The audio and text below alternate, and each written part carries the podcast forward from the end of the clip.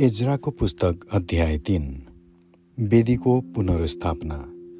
सातौँ महिना लागेपछि इजरायलीहरू आआफ्नो सहरहरूमा बसिसकेका थिए। त्यसबेला मानिसहरू एउटै मानिस जस्तो भएर एरुसलेममा भेला भए।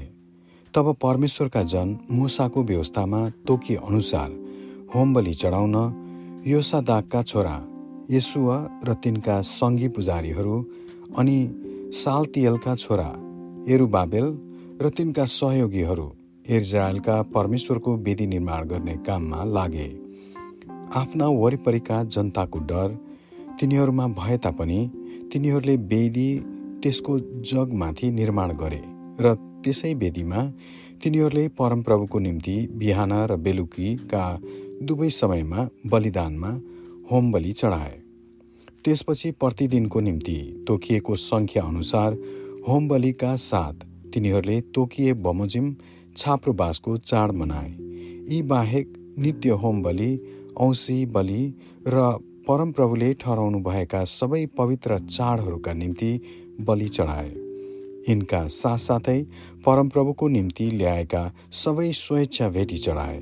परमप्रभुका भवनको जग हालसम्म बसालिएको नभए तापनि सातौँ महिनाको पहिलो दिनमा तिनीहरूले होम बलि चढाउन सुरु गरे। मन्दिरको पुनर्निर्माण। तिनीहरूले डकर्मी र सिकर्मीहरूका निम्ति रुपियाँ अनि सिदोन र टुरोसवासीहरूलाई लेबनानबाट समुद्रको बाटो भएर योप्सासम्म देवदारूका काठहरू ल्याउन तेल र खाद्य दिए किनभने तिनीहरूले फारसका राजा कोरेसबाट यसो गर्ने अनुमति पाएका थिए।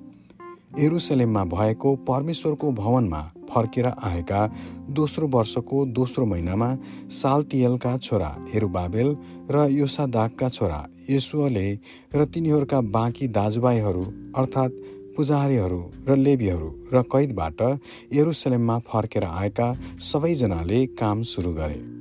परमप्रभुका भवनको निर्माण कार्यको रेखदेख गर्न बिस वर्ष र त्यसभन्दा उँभोका लेबीहरूलाई तिनीहरूले नियुक्त गरे।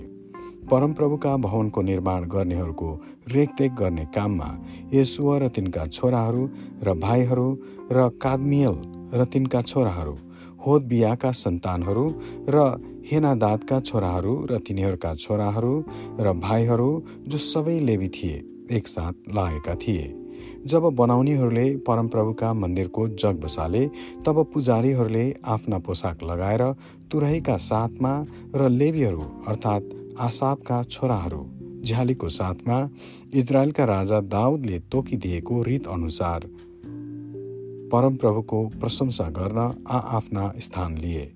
तिनीहरूले स्तुति गर्दै र परमप्रभुलाई धन्यवाद दिँदै यसो भनेर गाए उहाँ असल हुनुहुन्छ उहाँको करुणा इजरायलमाथि सदा सर्वदै रहिरहन्छ अनि परमप्रभुका भवनको जग बसालिएको कारण सबै मानिसहरूले ठुलो स्वरले परमप्रभुको स्तुति गरे। तर अघिको भवन देखेका धेरैजना वृद्ध पुजारीहरू लेबीहरू र परिवारका मुखियाहरू भवनको जग बसालेको देखेर रोए र चर्को स्वरले बिलाप गरे र अरू धेरै चाहिँ आनन्दले जय जयकार गरे। आनन्दले कराएको स्वर र रोएको स्वर कसैले ठम्याउन सकेन किनभने मानिसहरूले कराएको स्वर चर्को थियो त्यो आवाज टाढासम्म पनि सुनिन्थ्यो। आमेन।